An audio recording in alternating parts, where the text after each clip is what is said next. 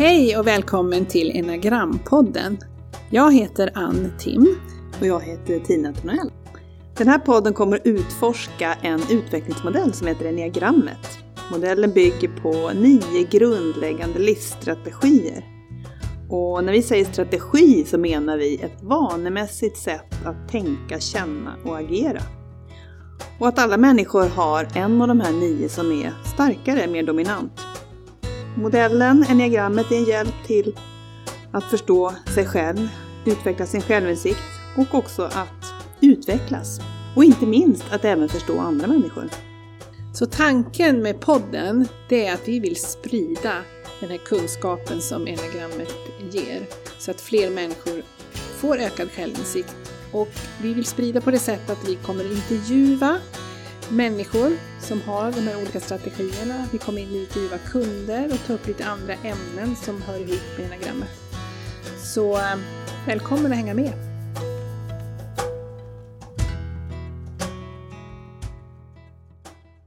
Hej och välkommen till ett nytt avsnitt eh, i vår podd. Och den här gången så är det treans tur, presteraren, som vi kommer att prata om.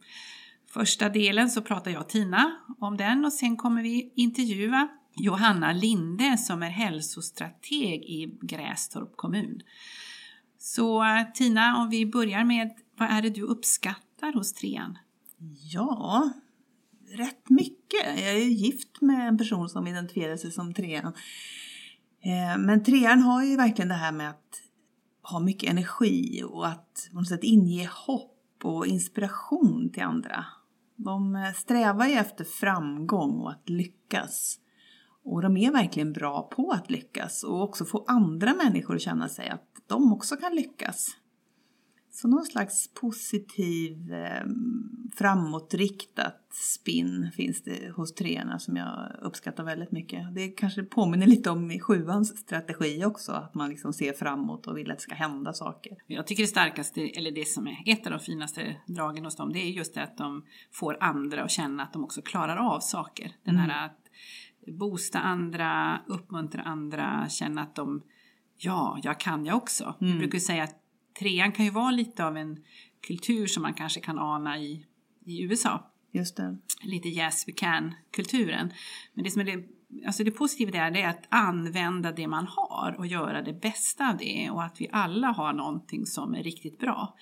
Så eh, jag har exempel från mitt liv där jag har haft eh, gått in till exempel i en löneförhandling en gång på ett nytt jobb och pratat med min kompis som har tre strategi. Ja, man fick mig att tänka om och så bara, det är klart jag kan och gick in med en helt annan inställning och kom därifrån med ett helt annat resultat just för att jag bara, det är klart mm. jag kan. Det är klart att jag också har saker som är bra. Just det tycker det. jag är det absolut, eller en av de finaste grejerna just i trea strategi, att påminna oss om att vi är värdefulla, vi är unika, vi har någonting som vi ska använda. Ja. Just det att vara medveten om sina talanger. Så med treans strategi så satsar man ju på det som man liksom vet att det här har jag lätt för. Mm. Och det var kanske det han visade dig också. Ja. Vad, vad är det du har för talanger som du kan lyfta ja. fram för att få en bättre lön? I det ligger ju också så många som har den strategin att då vill man ju också utvecklas. Mm. Så man är väldigt intresserad av allt som gör att jag kan utveckla mina sidor. Väldigt intresserad av att få feedback och lyssna in och läsa böcker eller lyssna på andra. Hur kan jag ta vara på det jag har? Utveckla min potential ännu mer. Mm. Du brukar ju säga att din man har mycket böcker hemma. Han har mycket böcker, absolut. Och sen såklart trean, de har ju en viss hastighet också i sitt liv. Att det ska gärna gå lite fort och vara lite snabbt. Och, och, därför så kanske man också med förkärlek väljer de här böckerna som är lite mm, treväg hit och gör på det här sju sätten så når du snabbt fram. Så man vill gärna ha lite den där quick fix. Men nu om man tittar lite på bakgrunden bakom lite mer psykologiska mekanismer hos trean. Vad skulle du säga Ann är typiskt där? Ja, det som vi sa så är drivkraften att nå framgång och det man, man är duktig på att, man tänker ju att världen värdesätter det. Det är därför, och därför är man också väldigt rädd för att, ett misslyckande. För det är hur man blir sedd, vad det är man gör som, som är så viktigt. I våran bild som vi har illustrerat på trean så är det just en person som klättrar upp för en trappa eller går upp för en trappa. Men håller också en, en lista med to-dos, alltså man bockar av saker. Det är som att man måste göra grejer för att mitt värde blir väldigt snabbt förknippat med det jag gör. Och att man blir, vill bli sedd som att man, det man gör och det man är kan bli väldigt sammankopplat. Mm. Och grundresan blir ju då att känna sig värdelös. Just det. Och den här personen är på väg upp till toppen också. Mm. På, så man vill ju gärna bli bäst Mm. inom det man intresserar sig för och det man känner att man har en talang för. Mm. Men jag, jag tänkte en annan styrka som jag tänkte på som ändå är fantastisk för dem, det är också den här att de ligger i den emotionella intelligensen. Mm. Så de är också väldigt duktiga på att känna in, känna in hur människor tar emot deras budskap, om de pratar med någon. Så man brukar säga att de är generellt är väldigt duktiga på att sälja in det de tror på. Därför att de är också duktiga på att läsa av och anpassa budskapet. Och, och, och det tror jag, och väldigt duktiga de pratar inför stor publik. De läser av mycket, känner in mycket. Jag tror att den där känsligheten, man brukar ju säga det också, det är att du brukar prata om att de är duktiga entreprenörer. Ja, och, och då är det ju inte den där sortens entreprenör som liksom hittar på något eget utan snarast så, så är det att man känner av liksom att men det här är någonting som eh, jag har sett någon annanstans att andra gör, kanske i något föregångsland och så tänker man men det här skulle jag också kunna göra. Så att eh, man vill inte vara den där först ut, man vill nog gärna se att det är det man gör har lyckats någon gång tidigare. Så, eh, men då finns ju det självförtroendet där och, och liksom, varför skulle inte jag, om någon annan kan göra varför skulle inte jag kunna göra det? Så det är en ganska självklar känsla av att eh, om någon annan kan så kan jag också. Så de är just det här man, man pratar om också, och det här med att de är så fantastiskt duktiga på att sätta mål. Alltså sätta mål, ja. resultat, mål. Ja. Vad är det jag ska uppnå till dess? Hur långt ska jag ha kommit då? Eller vad är det? Och, och att det är ju det som vi vet vi alla andra. Det hjälper ju oss mycket att komma någonstans om vi är tydliga med vad är, vart är det vi vill. Jag tänker som hela coachning, ni som, eller många som känner till det coachande förhållningssättet, det bygger ju mycket på, men vad, vad är det du saknar, vad är det du önskar, vad vill du uppnå? Så någon slags naturlig liksom, målinriktning som bara finns i personligheten. Att man söker liksom, vad ska det här leda till? Mål eller resultat, man kan väl uttrycka det olika för sig själv. Men det är någonting som där framme, det är det som ger motorn, drivet att göra någonting idag till att jag ska nå dit där framme. Och för en del kan ju det vara ganska detaljerat att jag ska uppnå något visst jobb eller någon viss inkomst eller någon viss, man ska bo på något visst ställe eller ha det där livet som man ser framför sig att man vill ha. Och sen så är man rätt duktig på att hitta vägarna dit och det ska gärna vara snabbaste vägen dit. Man brukar säga att treorna är också väldigt effektiva och se liksom också genvägarna. Var kan man cut the corners så att det går lite snabbare framåt? Men också den här ihärdigheten när man, när man ändå sätter sina mål. Man tänker på många idrottsmän och kvinnor eh, som ändå, vi tror att många som, som är, har, har den här otroliga målfokuseringen som man måste ha för att, för att komma till de här topppositionerna. Och den här tävlingsinstinkten, som, den kan vi ju hitta i flera strategier, men jag tror den är ändå mest utpräglad i den här strategin. Eh, och då är det inte att bara tävla alltid med andra, det kan också tävla med sig själv. Jag har exempel på människor som, jag menar, de, de klockar sig alltid, jag menar, ska de spring, gå till tunnelbanan så klockar de tiden varje gång för att se om de kan maximera Precis. eh, gångtiden eller Var det inte någon som berättade att han klippte gräsmattan? Tog alltid tid Ja. liksom, att det skulle gå lite snabbare än förra gången. ja, man älskar att mäta. Ja. Mätbarhet är viktigt för då kan man på något sätt se, okej, har jag utvecklats, hur gick det förra gången? Så det tror jag är något kännetecken.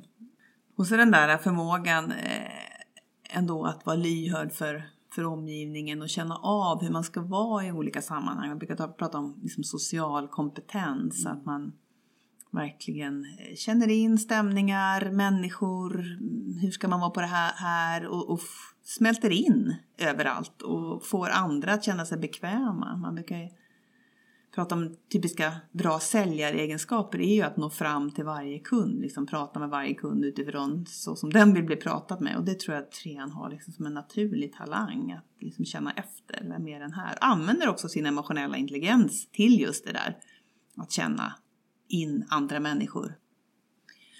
Du nämnde inledningsvis det här att de med treans strategi är väldigt inspirerande och vi har ju lite olika, vi brukar ju ha lite olika exempel på kända personer och en person som vi tänker skulle kunna ha treans eh, strategi det är Anders Hansen. Som verkligen har kunnat göra den liksom ganska torra vetenskapen till någonting allmängiltigt, spännande, intressant, liksom roligt för människor att lyssna på. Jag tror att hans sommarprogram var bland det mest lyssnade på förra sommaren. Mm. Så, och det är verkligen en talang för trean att nå fram. Och har ju bidragit och fått jättemånga människor att börja träna. Ja. Så man kan tycka att men det här är väl inget nytt. Nej, men precis. helt plötsligt börjar folk prata om det och har börjat träna och tänker på hälsan och så. så Och hur mycket man använder sin mobil också, Ja. och vad det leder till. Nej, det är ju jätte, jätte, jättebra. inspiration. Så Mm. därför så har vi ju sett också att det är många talare som har treans eh, strategi. De är superduktiga på att förmedla, inspirera och karismatiska också i sitt sätt att eh, uttrycka sig. Mm. Som gör att det är lättillgängligt. Ett annat ord som vi också pratar om och säger, det är ju den här som vi också har nämnt, det är att de har en väldigt ett, ett bra självförtroende. Alltså det är klart jag klarar det och, och vågar hoppa på saker även om man inte är jättegammal och erfaren. Vi brukar ha med lite olika exempel, bland annat de här partiledarna, eh, vet ni, Ebba Busch Busch Thor och Ja. Annie Lööf. Eh, Just att de var ju de var inte ens 30 år när de blev partiordföranden och sen eh, hoppade på ministerposter i Mm. den förra regeringen. Så att de var ju väldigt, eh, kan man ju tycka, väldigt unga och oerfarna. Men det är också det vi ser att som trea så, ja men det är klart jag kan. Mm. Häftigt med det där självförtroendet som gör att de kliver in i saker. Och om man bara kopplar lite till mer utmaningar då, när Mm. en trea är lite mer ur balans så, så kan det ju vara just den där eh, att man har tagit på sig ett jobb eller en uppgift som är egentligen att stretcha som kan bli väldigt stressande för trean för då kan man känna att ja, men jag har kommit till det där målet, det där som jag satt upp som jag ville bli men känslan blir, ja men när ska jag bli avslöjad? När kommer de att liksom att, att lyfta ner mig och inse att jag är inte allt det här som jag har utgett mig för att vara? Och sen kan det ju bli också mycket jobb. Man brukar prata att det här kan man hitta väldiga arbet, arbetsnarkomaner. Därför att eh, är du i ett sammanhang och en miljö där du primerar om du jobbar mycket och du får belöningar på olika sätt och, och det sätts nya mål och du kan jämföra det med andra. Så, ja, så triggar det ju eh, att det blir väldigt mycket prestation. Man vill ha den där bekräftelsen. Mm. Mm, mm, den som man får. Som, eh, Klapp på axeln och så ja. springer man lite fortare och fortare och så blir det bara en ond spiral. Jag tror också många unga människor i, i, i företag där det är mycket, och framförallt där man också har konstaterat att väldigt många är ju utbrända och mår dåligt. tror jag är väldigt, kan vara en hel del treor. Ja, Duktiga flickor och pojkar. Eller som, absolut. som kör järnet helt enkelt. Mm. Och där tänker jag, nu är vi inne i lite coronatider Mm. som är lite annorlunda och där kan man ju fundera på hur det blir för dem som inte kan då. Med alla dessa talare som plötsligt står utan jobb. Just det. Eh, Det är ingen som liksom lyssnar på ens budskap, Mm. man får inte den där bekräftelsen. Där om man inte är riktigt i balans så kan man nog må ganska dåligt Mm. och känna sig lite vilsen. För det som trean har risk för det är ju att lägga undan det man själv egentligen vill till förmån för det som man uppfattar att andra vill. Mm. Och det går ju att bygga en hel karriär på någonting som kanske föräldrarna ville att man skulle bli eller eh, man såg att det var uppskattat i omgivningen.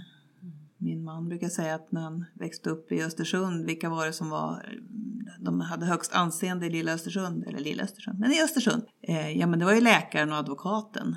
Ja men då började han plugga juridik sen. Och sen är det också intressant, och just, de ligger ju i den emotionella intelligensen.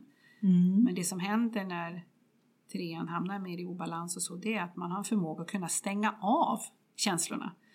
Man stänger av dem, man Mm. lägger undan känslorna och sen så kanske man plockar upp dem lite senare. Och det gör ju då att det blir mycket bara agerande och, och, och handling och, och tänka och inte känna efter själv hur man mår. Eh, likaväl också hur andra mår. Så man kan också uppleva som väldigt eh, opersonlig i mötet med andra när man är i en stressad situation eller håller på med en uppgift och man är väldigt fokuserad på att komma framåt. Så är det inte säkert att man, då har man inte den där styrkan som de har annars att känna in andra människor och vet hur de ska utan då kan de vara väldigt, eh, upplevas som väldigt opersonliga. Mm. Och lite otåliga, man vill liksom, det är resultaten som är det intressanta och, och, och prata om någonting annat är liksom ointressant. Mm.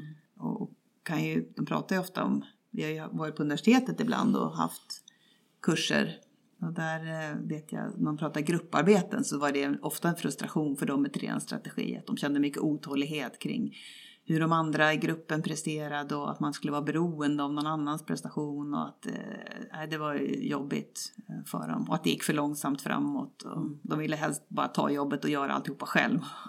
och sen liksom gå tillbaka till gruppen och nu är det färdigt. Ja, så grupparbete är inte kanske deras starka sida? Nej. Att jobba, utan Nej. kör gärna Nej. själv. Då vet de vad det blir för resultat. Just det, då kan de styra det. Sen en annan sak jag tänkte på som är också en styrka som Eftersom vi pratar ju alltid om i det här att våra styrkor blir också våra utmaningar. Så handlar det om det här att de är så duktiga på att skapa nätverk. Mm. Och vilka de ska kunna använda vid ett senare tillfälle och vilka som är viktiga att känna för att jag ska kunna nå det målet. Och är ju en fena på att knyta människor till sig och kunna använda dem. Och, och det är ju en jättebra sak. Men när det blir i en i mer, om de är mer låst i sin strategi så kan det bli att man kan dissa vissa som man inte tycker är intressant. Därför Mm. att jag är bara intresserad av dem som verkligen kan ge mig något på sikt. Och det kan man ju som annan person bredvid, man kan känna av det, att man inte är så intressant då. Just det. Eller som den där nätverket vi var på någon gång när de tyckte att man skulle nätverka överallt. På en dagisfest var bästa eh, liksom, Ja, opportunityn till att få nya försäljningsmöjligheter. Så, Men för tränarna själva också så är ju det här prestation ofta, när de är lite ur balans, att det blir väldigt jobbigt. Det blir mycket ängslan och oro kring om de är tillräckligt bra. Hur ska allt, för eftersom allt man gör på något sätt säger någonting om en själv. Eftersom tränaren identifierar sig så mycket med sin prestation så blir det ju så viktigt allt man gör och därför kan det ju bli en hel del ängslighet kring prestationen. Och ett jämförande med andra. Hur gör de? Hur ligger de till? Och eftersom känslan av värde kommer från prestation så kan man inte prestera eller man har misslyckats. Då blir det som att men då är man nästan helt värdelös själv. Och det kan ju bli väldigt tungt. När, och det är ju inte det treor som har berättat om det. Och, och utbrändhet och man kanske har misslyckats. Och, och en del gör ju en ny karriär av det. Man eh, kanske skriver en bok eller åker runt och berättar om sitt eh, misslyckande och vad man har lärt sig av det och så blir man på något sätt en vinnare igen. Men det viktiga är, man brukar säga att alla strategier har en väckarklocka och för trean är det just det här när de tror att deras värde hänger på hur framgångsrika de är. mm. Just det här identifikationen med det man gör kan man ju se eh, hos en del idrottsmän som liksom när, när karriären är slut så kan det bli ganska tomt. Jag tittade på något program om, om engelska fotbollsspelare och det var en oerhört stor procent som faktiskt, trots att de hade tjänat massa pengar och varit upphöjda fotbollsspelare, sen gick i personlig konkurs. Jag tror det var 50-60 procent enligt det här programmet. Därför att de hade liksom ingenting att luta sig mot sen. Och tror jag också svårt att veta vem de var. Jag vet vår svenske Magnus Hedman som var, mm, han var ju målvakt. Han har ju faktiskt också skrivit en bok om hur det blev för honom. Den heter, tror den heter När ljuset släcks. När han inte var den här upphöjda fotbollsspelaren med den tjusiga frun längre. Och, och hur det knäckte honom fullständigt. Så han har ju kommit igen men just det där eh, när man identifierar sig så med sin roll. Jag tänkte på ett annat exempel, jag tänker ändå ta upp de här, vi pratar om idrottsmän, det, man, det här med målet. Jag tänkte på hon Susanna Kallur Mm. som blev, skadade sig så och eh, var ju borta från tävlingar, jag, jag tror nästan det var 6-7 år. Det var jättelång tid. Ja. Opererade sig och satte in skenor i, så, i benen och så. Men hon skulle tillbaka, hon skulle på toppen. Jag lyssnade på en intervju med henne där hon bara beskriver hur hon ser sig själv springa in på OS-arenan. Hon hör jublet från folket och hon, du vet, det var henne som, bilden var för henne, målbilden var så stark och fick henne att kämpa så i, i så många år. Och det är extremt mycket träning och alla skador och allting. Men sen när hon kom, kom tillbaka och det visade sig att hon var inte bland de tio bästa, Då, då la hon av. ja. Men under alla dessa år levde hon med den målbilden och Mm. hade en tro på att hon ska tillbaka. Ja. Och det är flera exempel på det. Att Men så Christian starkt- Olsson lite likadan Christian också? Olsson likadan, ja. Det är så starkt det där att jag var kan. där och jag kan komma upp dit och jag ska vara på toppen. Och det, ja, jag tycker det är fascinerande att den, att den målbilden är så stark som gör att du kämpar så. Mm. Sen tänker jag ett annat exempel på mera eh, det här med hur duktig man är på att hålla uppe en fasad och det är ju han eh, Maccarini, vår Precis. strupkirurgen. Nu har vi ett riktigt, riktigt jobbigt Jobbigt exempel, får vi för, exempel, ja. förvarna. Men vi tror Men han han- har treans strategi. Ja, och han var ju extremt duktig på, han är en jätteduktig kirurg, jätteduktig också på att eh, föreläsa och få med sig människor och, och hade ju, trodde han, något på gång och som skulle revolutionera och så. Och sen när det visade sig att det inte riktigt höll och han då hade blivit, fått sig ett namn över hela världen så fixade han inte tror vi, att erkänna det. Utan han Nej. fortsatt höll upp det där skenet och trodde så mycket på det själv verkar det som. Så han, han nästan inte såg själv att det inte funkade eh, och, och förnekade det så starkt. Mm. Intressant att se hur, hur den här bilden av sig själv kan bli så... Blir man blir så ett med den, Ja. så man ser inte att nej men, nu håller man på att göra något helt annat. Galet. Ja, Galet. Ja. Det är som han, vet du, Refat El Sayed tänkte jag på också. Ja. Med sin doktorshatt och sitt upphöjda företag. Och, om man är beredd att gå långt Ja. för att hålla kvar platsen i glansen. Är inte han på den här banken också? Ja, det här, just det, Lees- Barings Bank, Barings Bank. Nick Leeson, Mm. ja, som fick en hel bank att gå omkull. Också gjort massa bra affärer till en början och som börjar gå lite dåligt och så täcker man upp för att det inte ska synas och så till slut så är det som en hel soppa. Ja. Men allt för att hålla sig kvar, Mm. återigen. Men om vi tittar på flyglarna. Ja, eh, om du de vad- olika treorna. Treorna, fyran och med tvåans, hur blir det? Ja, trea med tvåa flygel, då har du ju en del av det här hjälpande, mm, intresserad av människor, eh, lite mjukare variant kanske av trean och lite mer utåtriktad för man vill ju verkligen få kontakt också här. Ganska vanlig eh, kanske som chef, ledare, man vill leda en grupp, man vill inspirera andra. händer mycket runt de här, mycket energi och, och syns också ofta utåt mycket det de gör. Och trean med fyra flyger, ja fyran är ju lite mera introvert åt den, åt den tendensen i alla fall. Så här kan man vara lite mer hemlig, kanske inte lika tydligt eh, annonsera vad man håller på med. Eh, vill gärna hålla på med något lite speciellt, egen nisch som ingen annan har. Ja, så lite lugnare energi där. Vilja vara lite speciell och, och annorlunda. Och pilarna då, Ann, om du skulle uttrycka...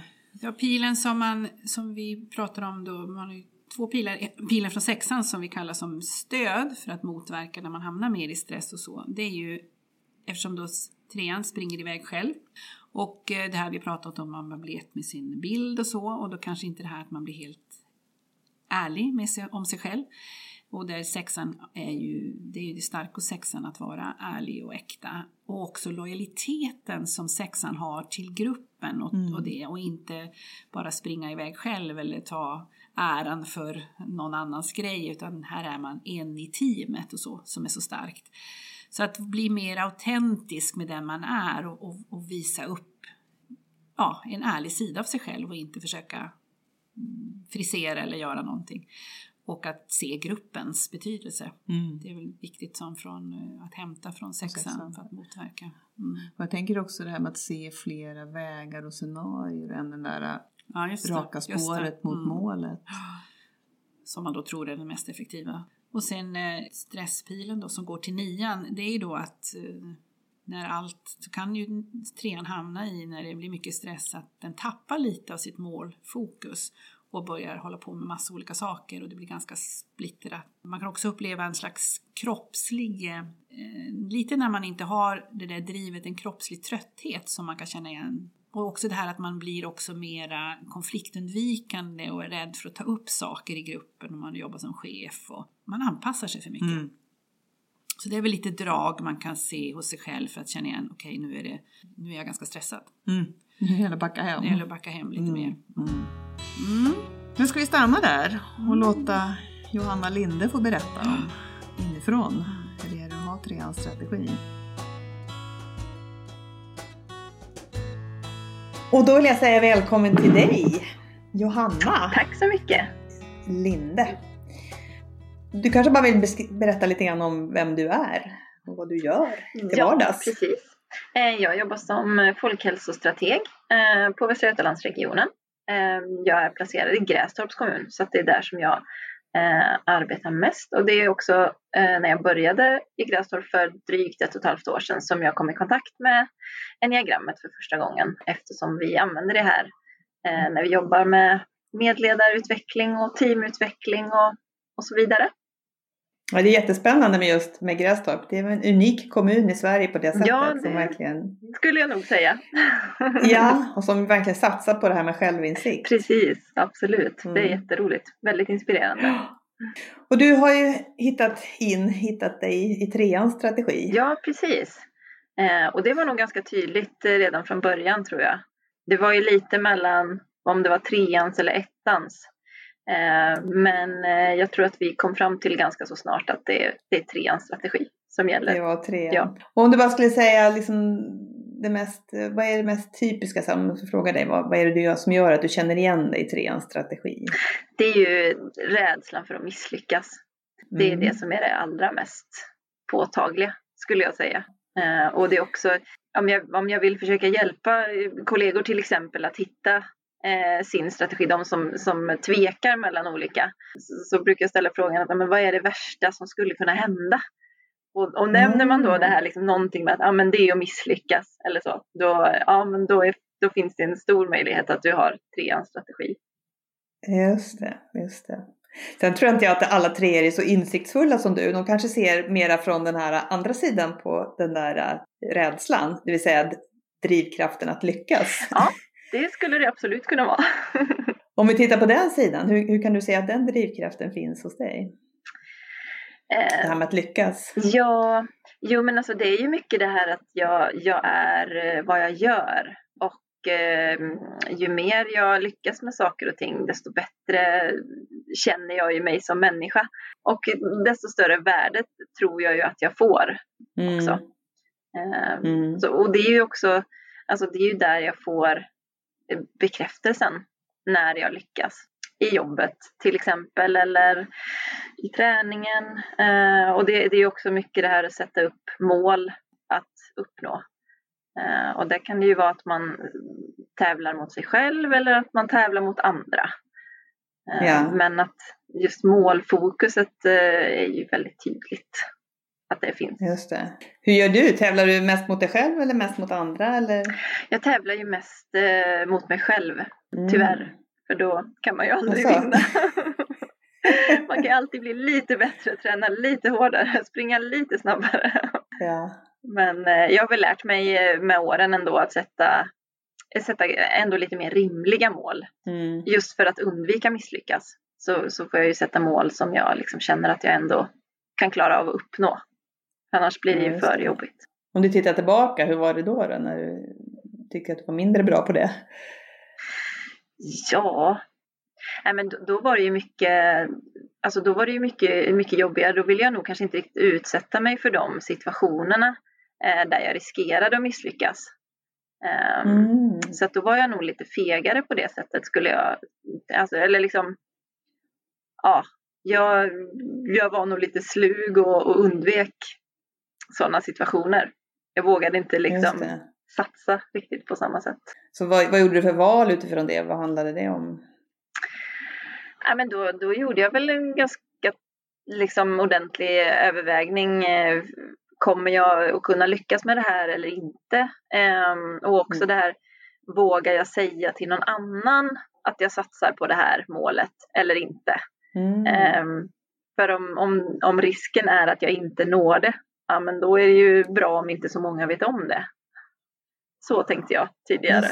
Och talade du om sen då när du hade nått målet eller hur fick du bekräftelsen? Ja, eller räckte det för dig själv? Ja men då, då talade jag ju gärna om det. Och det har jag väl blivit lite mer sparsam med. Just för att jag, ja men, ja, men just med, med liksom träning och sådana saker, det har ju liksom exploderat i sociala medier de senaste åren och jag själv tycker ju inte att det är jättekul alla gånger att läsa om, om andras träningsinlägg och då tänker jag att då tycker nog folk inte det är lika roligt att läsa mina heller så då är det bara vissa utvalda och som är kanske ett litet annat fokus på än, än just liksom eh, min tid eller min prestation. Sen någonstans där bakom är det ju säkert ändå det som jag vill ha bekräftelsen för men jag kanske lägger upp det på ett lite annat sätt. Men hur har ditt målfokus, men det finns ju Trean har ju som alla andra strategier massa styrkor. Hur har det här målfokuset hjälpt dig i livet?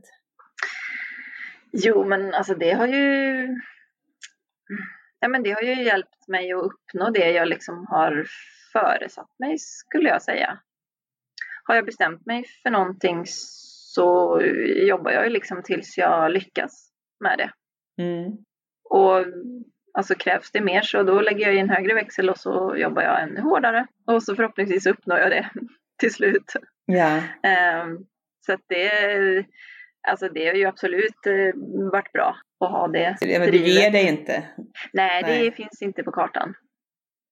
Det, det, är ju ett misslyckande att ge upp ja. liksom. Ja, det, det gör jag inte. En annan styrka man brukar prata om det är också att man är duktig på att vara effektiv och hitta de bästa vägen. Precis. Saker och ting är väldigt väl genomtänkta.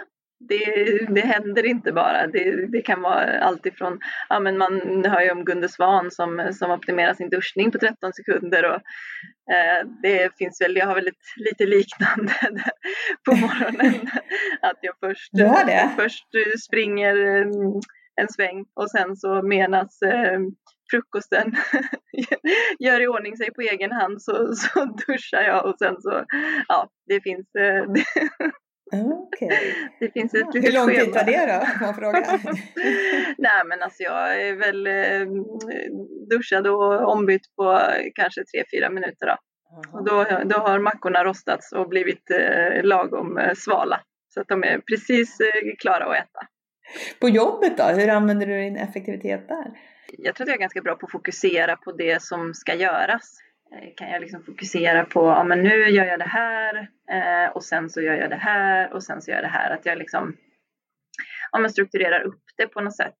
Eh, så att jag inte liksom gör allting på samma gång.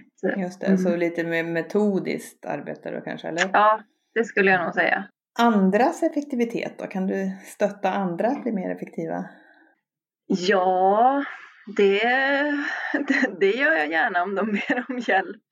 Jo, men och, då, och det är väl kanske lite, i, eh, ja, men lite det här metodiska i, i så fall. Mm. Att, liksom, att man sätter av tid för det som man behöver göra eh, så att man får det gjort.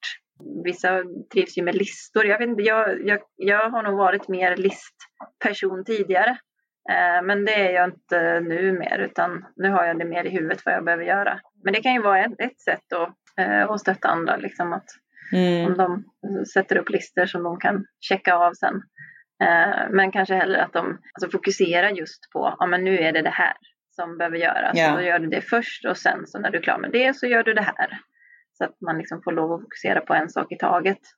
Så att man kan just göra det så effektivt som möjligt. Är det någonting du gör i din roll? Eller du har ganska självständig roll, eller? Ja, precis. Jag jobbar ju lite med allt möjligt eh, kan man säga. Ja. Eh, där det behövs och, och alltså det arbete som, som kommunen vill jobba med också. Eh, där det finns liksom intresse och där det finns behov och sådär. Så det är ju väldigt fritt. Och jag har ju ofta en lite samordnande roll. Jag jobbar med samverkan och få ihop olika verksamheter och sådär.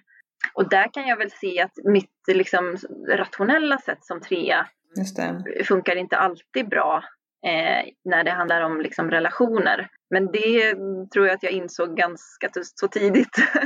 att jag okay, liksom, redan innan det här? Ja, men precis. Att, eh, att, att för egen del så, så tycker jag att ja, men, har, har vi ett mål och vi, och vi ser vägen, då, då går vi bara.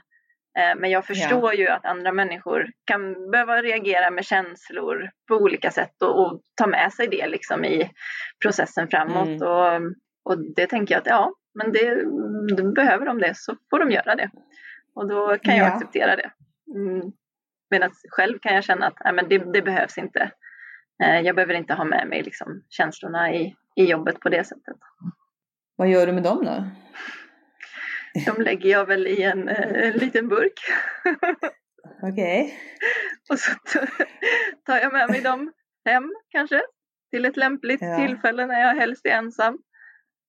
Och sen så eh, när jag känner att nu behöver jag nog ta itu med det här för nu kanske det börjar bli väldigt fullt i den här burken eller så ja, är det några känslor som jag känner liksom att de här, de här vill verkligen ut. Då öppnar jag locket och så tar jag itu med dem. Men då har du kontakt med dem ändå, eller? Du kan liksom Ja, jo men det har jag. Och, känna dem när du behöver? Ja, precis. Och jag, jag tror att jag har en, en ganska så tydlig fyravinge, eller flygel, mm. Um, mm. som hjälper mig att, att, vara i kontakt med, med mina känslor. Jag, jag, tror att jag är ganska så bra på det här stänga av, sätta på, men, mm. men, men det är liksom inga bekymmer att sätta på känslorna när jag, när jag behöver liksom komma i kontakt med dem för att ta itu med dem. Det tänker jag ändå är, det har ju nog att göra med styrkan i trean att ändå vara i den emotionella intelligensen. Mm. Att man har tillgång till den. Mm. Och så att den inte är helt borta, men just nu säger det finns en liten av och på-knapp ja, eller en burk. ja, precis. Kan du känna igen? En del säger att man kan tycka att känslor uppfattas som lite så här farthinder. När det... Ja, absolut. Och där inser jag ju mer och mer att eh, slutresultatet blir förmodligen bättre om jag, om jag låter hela känsloregistret vara med. Så tror jag ja. totalen blir bättre. Mm, så det, det jobbar jag väl mot. Men jag kan absolut se att de är i vägen. När man känner att man vill ta rationella beslut. Man brukar ju också säga att, att trean med den emotionella intelligensen är duktig på att läsa av stämningar, omgivningen, andra. Mm. Hur känner du igen det hos dig? Jo men det, det tror jag nog eh, stämmer ganska bra och framförallt det här att kunna gå in i en situation eh, och känna av vilka personer som är där och vad är det de förväntar sig av mig. Och sen så kan jag anta mm. den rollen. Och då fungerar det ofta väldigt bra i, i samarbete och samverkan och sådär. För att man kanske inte går in och, och, och stör eller blir en, någon, någon som är liksom obekväm utan så det kan, kan det vara olika roller i olika sammanhang då, eller? Ja, absolut. Det är ju utefter, eh, det kan ju ha att göra med, med vilka, vilka strategier de andra i gruppen till exempel har. Eh, mm. Och vilka förväntningar som, som finns på mig. Jag tror att jag skulle kunna tänka mig att treor är ganska så eh, ganska så känsliga för vilka förväntningar som finns och vill ju väldigt gärna svara upp mot dem också. Så att man ibland kanske vrider ut och in på sig lite väl mycket för att lyckas med det. Men, eh... Men eh, om du känner att gruppen är på väg åt ett håll som inte harmonerar med dina mål, har du varit med om det? Hur blir det då? Vad gör du då? Ja, alltså där mm, det, det beror nog på väldigt vilken, vilken grupp det är och, och, och vad jag tänker om alltså, maktrelationerna i gruppen. För nu, jag är ju varken, eller jag är ju inte chef, men hade jag varit chef så kan jag tänka mig att då hade det ju någonstans mer varit mina mål som alla ska jobba mot. Eh, och då kan jag tänka mig att då hade jag nog liksom försökt gå in och styra upp det och, och liksom vänta lite här nu, vart är vi på väg? Jag tror att vi ska åt det här hållet. Uh, ja. Men uh, om det är jag som är liksom medarbetaren som jobbar med ett gäng chefer, då känner jag nog mer att nej men då, då tänker jag att då litar jag nog på att de, uh, de vet vart de ska. Och då, mm. då följer jag med mer istället. Just det. Så där finns en anpassning till de mål som är för hela sammanhanget mm. eller vad det nu kan vara. Det här med, man brukar också säga att tre år är bra på att ligga, lite ligga i framkant när det gäller utveckling och det område man är. Man vill ju gärna ja, vara duktig precis. där. Man vill, ju, man vill ju gärna vara bäst i vad man än företar sig. Ja, hur, blir, hur blir man den bästa folkhälsostrategen? Ja, det, jag tycker det är väldigt intressant för att som, som trea så är egentligen folkhälsostrateg kanske helt fel väg att gå. Yeah. Eftersom det, liksom, det finns inga supertydliga mål. Eh, det är väldigt långa perspektiv. Det är inte så enkelt att se om mitt eh, arbete liksom genererar det som är tänkt. Så att jag tänker att jag vet inte om undermedvetet att det är att jag vill utmana mig själv genom att jobba Just som det. det. Eh, Jag borde egentligen jobba med något lite mer fyrkantigt, kanske gärna med siffror där man kan räkna och mäta så att man tydligt Ja. ser om man har lyckats eller inte. Men, eh, nej men alltså, jag, jag tror att, alltså, att, att ta sig an alla uppgifter jag får med liksom väldigt mycket positiv energi eh, och försöka göra det bästa. Ehm, Mm. och alltså gärna hjälpa andra så mycket som det går. Eh, avlasta andra med deras uppgifter till exempel. Eh, tror jag nog kan bli den rollen man tar om man vill vara bäst. Ja. Plus att ja, men försöka vara liksom påläst och intresserad och ja, omvärldsbevaka och sådär, Ja. tänker jag. Det här med, med, det låter som att det blir ändå ganska mycket att göra för dig. Mm. Stämmer det? Har det alltid varit så också att du har jobbat mycket? Eh, det har det varit och det har jag kanske inte riktigt eh, alltså, sett tidigare för att det tror jag har att göra med att jag, jag jämför mig inte kanske så mycket med andra och, och jag, eh, jag har nog tänkt att ja, men andra jobbar väl på, på samma sätt som jag tills jag kanske Mm. pratar med folk som tycker att jag gör lite mycket och sådär. Men, det, men det, det som är tydligast var när, det var när, när barnen var små, jag tror att de var fy, två och ett halvt och fyra tror jag barnen var. Ehm, och jag eh, jobbade heltid och jag pluggade heltid och jag tränade i genomsnitt åtta timmar per vecka Oh, och tyckte inte Hur det många- var något oj. konstigt du tyckte... Wow, Nej, det gick väl bra tyckte jag. du tyckte det? Ja, det var Ja. ju, det var ju liksom det var ju roliga saker, det var ju sånt jag tyckte om. Så det var inga problem att köra på. Nej. Och klarade du av det hela tiden då, eller? Ja, det, jag körde kanske inte mer än ett år. Eh, Men, men att jag slutade var liksom inte på grund av att, av att jag inte orkade med det liksom, utan eh, det var ju andra, andra anledningar. Men jag har inte, Mm. det tog ju några år innan jag, innan jag såg tillbaka och funderade över om, om det egentligen var rimligt. För att Just just där och då så tänkte jag att nej men det är väl, det är väl så här man gör, tänkte jag. Just det. Vad var det som blev lidande då, tror du? Nu, om du ser på det efteråt. Jag, jag hann väl inte med så mycket självreflektion antar jag. Och det vet jag inte om jag kände att jag hade behov av då heller. Det är nog något jag har kommit på mer nu de senaste åren. Mm. Ehm, så jag vet inte om det var så mycket som blev lidande. In, inte, inte Jag tänker, vad, vad, vad la du inte tid på som du kanske lägger tid på nu? Jag tänker, du har Mm. du har inte fler timmar än någon Nej, annan. jag kanske sov mindre eventuellt. kan hända att jag gjorde. Ja. Men kände du att du hann med, jag tänker vänner, Ja, syskon, familj också? Mm. Mm. Så, men då kan man, ju- man kan alltid kombinera eh, många saker samtidigt. Man kan ju träna Ah. tillsammans med vänner till exempel och där kan man ju dessutom ha med sina barn. De kanske kan cykla eller så får man köra dem i en, eh, i en barnvagn eller sådär så att man kan effektivisera. Det bra. hela. Ja, smart. Man kan ha ett sånt jobb där man kan eh, plugga lite eh, under tiden man jobbar till exempel Mm. också. Ja, det låter väldigt effektivt tycker jag. Mm. Men har du tänkt, har du haft perioder när det liksom blivit för mycket med jobb? Eller känt, man kan säga att ibland man kan bli lite arbetsnarkoman eller? Ja, ehm, jo men det har jag blivit. Och det var väl för att jag, det är två år sedan nu ungefär. Och det var väl egentligen inte att själva jobbet var för mycket utan det var mer liksom kraven på jobbet som var liksom för höga. Mm. Det, jag hade liksom inte tillräckligt med stöd från, från min chef. Eh, och då, då kände jag liksom att då, det var inte bra. För att det här att bara som, som, som min chef sa då sänka kraven på mig själv, det var liksom inte, det, det var ingenting jag kunde göra på egen hand. Det fanns Det inte, fanns inte nej. med liksom. Det, det var inte ett alternativ. Så vad hände då? Vad, hur blev det då? Ja, där eh, körde jag mig nästan ända in i väggen. Jag tror att jag eh, Mm. klarade mig med ett nödrop. Ehm, Mm. Och bestämde mig för att nej, men jag ska satsa på något annat. Jag, jag börjar plugga igen istället. Jag läser en, en master eller något sånt där. Men under tiden, under sommaren där då, så fick jag det här jobbet i, i Grästorp istället då som jag började med. Så det mm. blev inget pluggande och det var ju precis, precis vad jag behövde.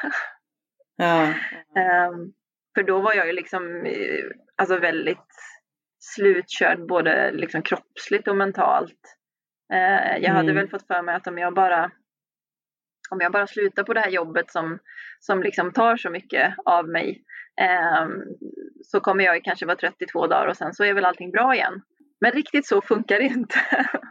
Det gör inte det, nej. Hur, hur blev det då? Um, nej men jag var ju på, jag var ju liksom mitt i en, en uh, rutschkana kände jag. Så att det fortsatte ju bara utför. Mm. Och jag blev väldigt, väldigt trött. Så att det var liksom den fysiska tröttheten. Mm. Jag gjorde ju en svensk klassiker i samband med det här också då. Um, uh. men, ja. men, men det gick bra. Själva liksom, eh, träningen gick inte så bra men själva de tävlingarna gick väldigt bra. Konstigt nog. Var du i den där extra växeln då kanske? Som... Jag tror det. Jag kopplade nog bara bort allt och så, och så körde jag bara. Så, så, så det gick väldigt bra. Men, men, men i övrigt så var jag ju liksom eh, ja, men trött bara. Mm. Uh, så att då, ja, men då, då, fick jag, då fick jag ju alltså, successivt sänka kraven på mig själv, försöka göra minsta möjliga. Uh, det var ju väldigt jobbigt. Jag kände mig mm. som en fruktansvärt dålig människa. Uh, ganska så värdelös. Och jag, jag minns när jag hade varit på arbetsintervjun, då, eller anställningsintervjun, och, och, så, och så avslutade de med, för det, det var ju när jag var i då var jag nog nästan som sämst skulle jag säga. Mm. Och så avslutar de med att säga bara, men, eh, tack för det, jag tycker att du har gjort jättebra ifrån dig. Och på vägen hem, jag var så nära att ringa och säga att Nej men ni kan inte anställa mig för det, jag, jag har nog suttit och ljugit hela tiden. Det här var liksom inte, jag hade liksom ingen, eh, inget självförtroende överhuvudtaget. För jag tänkte om de tyckte att jag hade gjort bra ifrån mig då måste det vara något som var fel. Var det att du var rädd att ge fel bild då av dig själv eller? Ja, men jag tror att Vad jag var det som så, gjorde att du ville? Ja, det var att, att tänka att jag var bra på någonting. Det var så långt mm. ifrån min egen verklighetsuppfattning. Så att... Eh, då. Mm. Så då var jag liksom rädd att jag hade lurat dem istället. Mm, mm. Fast att jag hade bara sagt sanningen, eller på att säga. Som det var, ja, ja precis, precis. precis. Att, eh, och du sa det här också att du kände dig värdelös. Man brukar ju säga det att det är liksom någon slags grundrädsla där. Att, ja, precis. Att, att vara värd, så du var lite i kontakt med den. Mm. Och när jag liksom inte kunde prestera bra, varken när jag tränade eller liksom i vardagen. Eh, även om jag hade semester så jag liksom, jag orkade ju ingenting för att kroppen var ju så slut också. Eh, så då, då var det liksom då fick jag ju inte mina, mina kickar och min bekräftelse från något håll. Så att, eh, då, det var då jag började liksom och inse att jag behöver nog omvärdera lite grann här. Mm. Men du kom på det själv i alla fall, eller? Eh, jag hade hjälp av en arbetsterapeut. Det var det ja. som jag fick kontakt med då. Mm. Som, som kunde liksom ändå Ja men hon kunde liksom berätta berätta för mig lite det här att du har nog lite höga krav på dig själv och du kanske behöver eh, ändra på dem och du kan göra så här och så här, så här ganska så handfasta tips liksom. Så det, det hjälpte, det var en väldigt bra början.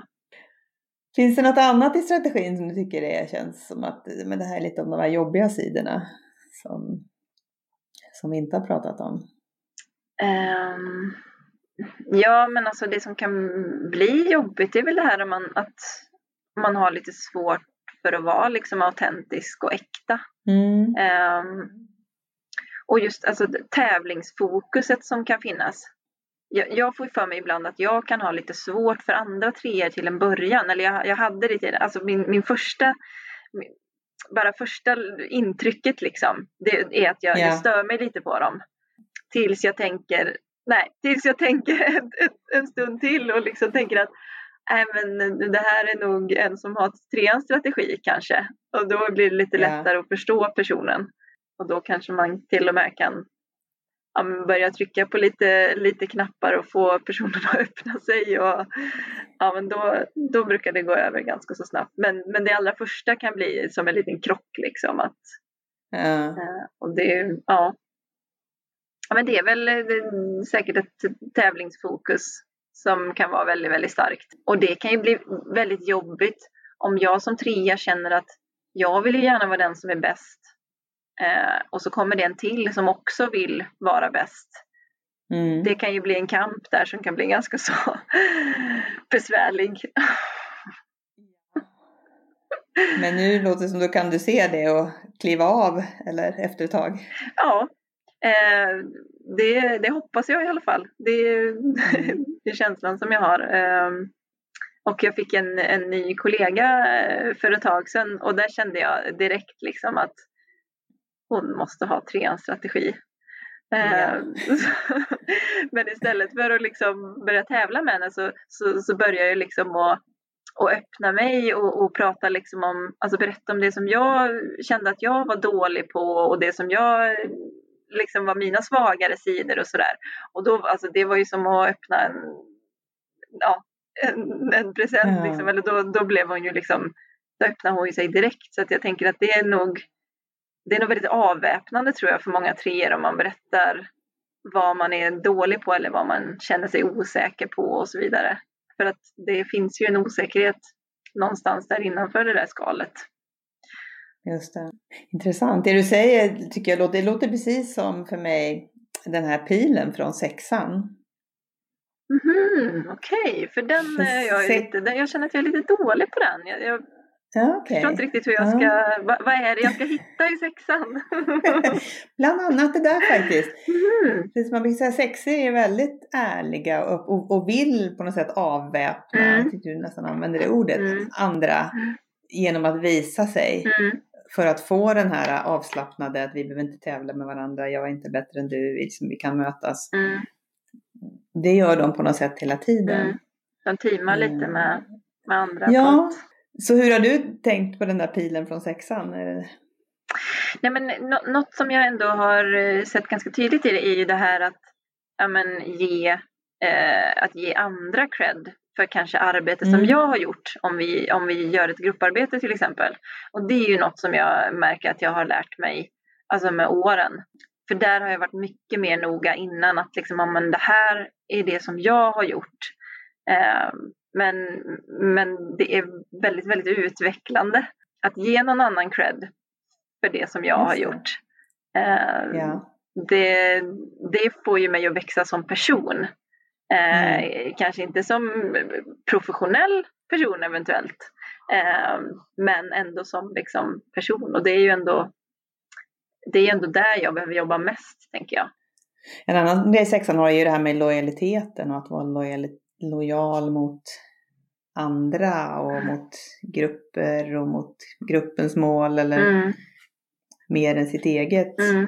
Och det är ju också något som, som jag har sett som väldigt, väldigt utvecklande. Att, eh, just det här om vi har en grupp, att bara liksom, ja men mer eller mindre bara följa med. Att låta Mm. de andra sätta agendan eh, och så gör jag det jobbet som blir tilldelat mig. Men, men jag gör det liksom på det sättet som, som vi tillsammans har bestämt. Inte för att jag tycker att någonting är bättre eller att jag tycker att vi borde göra på det här sättet. Och det, är- det är också väldigt, det är väldigt utvecklande. Mm, mm. Om man tittar på den andra pilen då, som kallas för stresspil, den här ni, som går till nian, Mm. medlaren. Den är väldigt Hur, eh, tydlig tycker jag. Den, den känner du, hur- ser det ut hos dig? Nej men det är när man bara vill lägga sig ner och, och försvinna, kanske gräva ner sig helst. När det liksom blir för mycket kombinerat med att jag liksom inte kan styra det själv. Alltså jag, det blir en, eh, det saknar meningsfullhet. Alltså jag kan gärna Mm. jobba på eh, 200-300 procent om jag ser meningsfullheten i det. Eh, att det blir Ja. meningsfullt för mig själv och andra. Eh, men det är nog när det blir väldigt mycket jobb till exempel och jag dessutom alltså, saknar mening, meningsfullheten i den. Mm. Då, då känner jag mig väldigt kontrollerad och utifrån styrd tror jag. Och då, då kan jag bli sån där att nej, nu, nu schappar jag, nu drar jag bara. Nu vill inte jag vara med mer. Och är det meningen, i mening är det också lite mål att det saknas? Ja, det skulle det nog absolut kunna vara. Att jag ser inte... Att du inte ser vart ni är på väg? Nej, eller? Precis. Och jag ser inte hur detta skulle liksom vara bra eller så för varken för mig eller för jobbet eller för mina kollegor eller utan det, jag, jag ser bara någonting som, som kommer ta väldigt mycket tid och energi men inte kanske generera så mycket. Mm. Och då tappar du energi eller vad? Ja, då, det är väl då jag riskerar att liksom ja, men, trötta ut mig för att eh, alltså jag, jag skulle ju inte låta bli att göra en arbetsuppgift bara för det. Utan mm. jag, jag gör ju den och det spelar ingen roll om det är liksom att jag måste städa hela huset för att det ska komma gäster eh, där jag liksom kan känna att jag, jag vill inte göra det här, jag vill bara att de ska liksom ja, komma och, så, och ta det som det är. Men, men yeah. också liksom på jobbet att ja, men jag, jag, jag struntar ju inte i arbetsuppgifterna. Och jag gör dem inte kanske sämre än vad jag skulle ha gjort. Men, men det tar väldigt mycket energi. Kan saker bli liggande? Man brukar säga att nian också prokrastinerar en hel del. Ja, det kan nog, det kan nog hända. Men finns Eller att man gör något annat än det man borde göra? Eller? Ja, men det, det kan absolut hända. Mm. Och så blir det att då har man en deadline och så får man jobba järnet på slutet istället. Ja, det finns ju också en tendens till mycket anpassning till andra i nian. Ja, på ett negativt sätt tänker du då? Ja, kanske att man går med på saker fast man inte riktigt vill eller tycker att det är det bästa eller Ja, men det, så kan det absolut bli. Och, och det handlar väl lite om det här med barndomens lärdom som ligger i trean, att liksom egna känslor och behov är inte okej. Okay. Och då är det Nej. ganska så lätt att, att lyssna på vad andra säger och att det här är det rätta, det är så här borde du göra och så här borde du känna. Och där kan man ju tappa bort sig själv lite grann, tänker jag. Mm. Man är ju i balans, absolut. Kan du se tillbaka och se att, du, att det fanns saker du plockade upp liksom från andra när du växte upp? Att du fångade upp vad som, hur man skulle vara eller göra? Eller? Ja, absolut. Jag eh, fick första sådär eh, riktigt stora poletten som trillade ner när jag, eh, när jag läste på högskolan och då, jag tror att jag var 24 eller 25 kanske och insåg helt plötsligt att alltså alla mina val under, under min liksom, uppväxt och ända fram till dess har handlat om prestation. Att jag har liksom valt yrke och fritidssysselsättning och vad jag vill studera. Allt har varit liksom eh, grundat på prestation det, det, det var liksom den första, första ögonöppnaren. Alltså det är det som har, som har liksom fått mig att alltså göra mina val. Det har inte varit så här, mm. ja, men vad tycker jag är roligt? Jag insåg för ett år sedan ungefär att ja, men kul, det har liksom aldrig varit en drivkraft i mitt liv. Vad ska man liksom, kul, det kan man väl göra om man har tid över. Fast det har man ju aldrig för att det finns ju alltid något vettigt att göra. Just det. Kan du se något särskilt i det som du la åt sidan som var någonting som du tyckte var kul när du var yngre som, men som inte blev det du ägnade dig åt? Nej, det, det kan jag nog ändå inte se, tror jag inte. Nej. För att jag tror inte att jag, jag tänkte nog inte efter så mycket då. Tror jag inte. Nej. Mm. Om du träffar en person, en ung människa som hade den här strategin, vad skulle du ge för råd till den? Då, då skulle jag säga till den att eh, du, du är värdefull även om du inte presterar någonting. Eh, och du behöver inte kämpa så hårt hela tiden. För att du får lov att vara med ändå. Mm. Det hade jag velat säga till den personen. Att, och vad tror du behövs för att den personen ska ta in det? Oh, um, Alltså jag vet inte, någon form av Alltså någon form av jämförelse tror jag. För när man är liksom mitt uppe i det och man tycker att men det är inga bekymmer för mig och man tror att alla andra jobbar på på samma sätt. Eh, mm. Så behöver man någon form av måttstock liksom att det här är, är rimligt. Liksom, den här nivån är rimlig och du ligger här. Du behöver yeah. liksom inte kämpa hårdare utan du kan till och med ta det lite lugnt. Du kommer kanske ändå ligga över genomsnittet i effektivitet mm. eventuellt. Så någon form av sån jämförelse tror jag, för annars så tror jag att det är väldigt svårt att som tre och ta till sig det utan då, då tänker man nog att nej men mitt värde hänger ju på det här så att jag måste kämpa på, jag måste köra på. Jag måste vara lite bättre än alla andra för att få lov att vara med. Just det, så det är en slags reality check. För annars så höjer man hela tiden ribban för sig själv förstås. Ja, man gör ju det. det är ju... när, är man, när är man nöjd? Nej, men det tror jag inte att man är. jo, men jag kan, eh, jag kan absolut vara nöjd. Ehm, har jag slagit ett eh, personligt rekord så är jag nöjd i säkert några timmar innan jag mm. börjar att planera mot nästa. Tänka att liksom, jaha, men nu klarar jag det här, men då borde jag ju klara det här också nästa gång. Just det. Eh, så nöjd är väldigt svårt. Det är kort. Det är väldigt kort. ja, precis. Ja.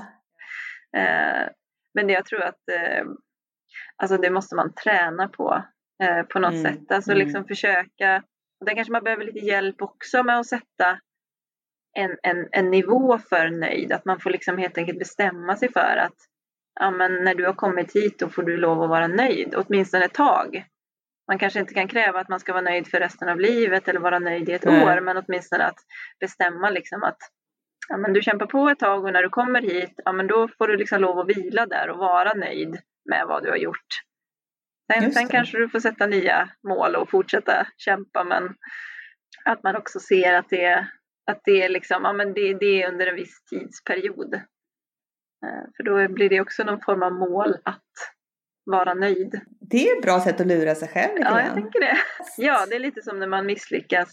Eh, som jag pratade om på kursen i förra veckan att jag eh, jag, börjar ju första dagen där med att krascha med cykeln rätt ordentligt. Ja. Um, och det är ju sånt som i vanliga fall är ganska så pinsamt och det blir ju ett misslyckande men jag gjorde ju det väldigt, väldigt bra också. Jag kraschade ordentligt. så det är att liksom lyckas med sina misslyckanden. Ja men Johanna, du tycker du har gett oss en jättebra bild, verkligen. Visat på liksom, ja, hur det är lite mer inifrån. Ja, precis. Men då säger jag tack så jättemycket för mm. idag. Tack själv. Tack ska du ha.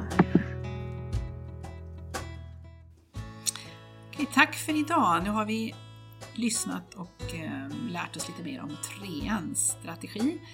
Eh, vill du veta mer och kunna följa med vad som händer med oss så eh, gå gärna in och titta på vår hemsida enneagramcenter.se där du också ser i flikarna kalendariet och där kan du se vad som händer nu under maj månad.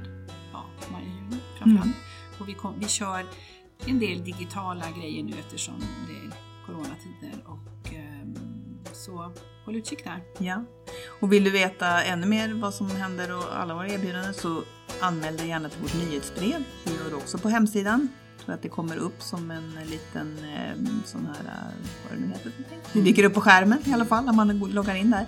Och om inte annat så finns det längst ner på varje sida i, på hemsidan så kan du anmäla dig till vårt nyhetsbrev där. Mm. Så eh, på återseende!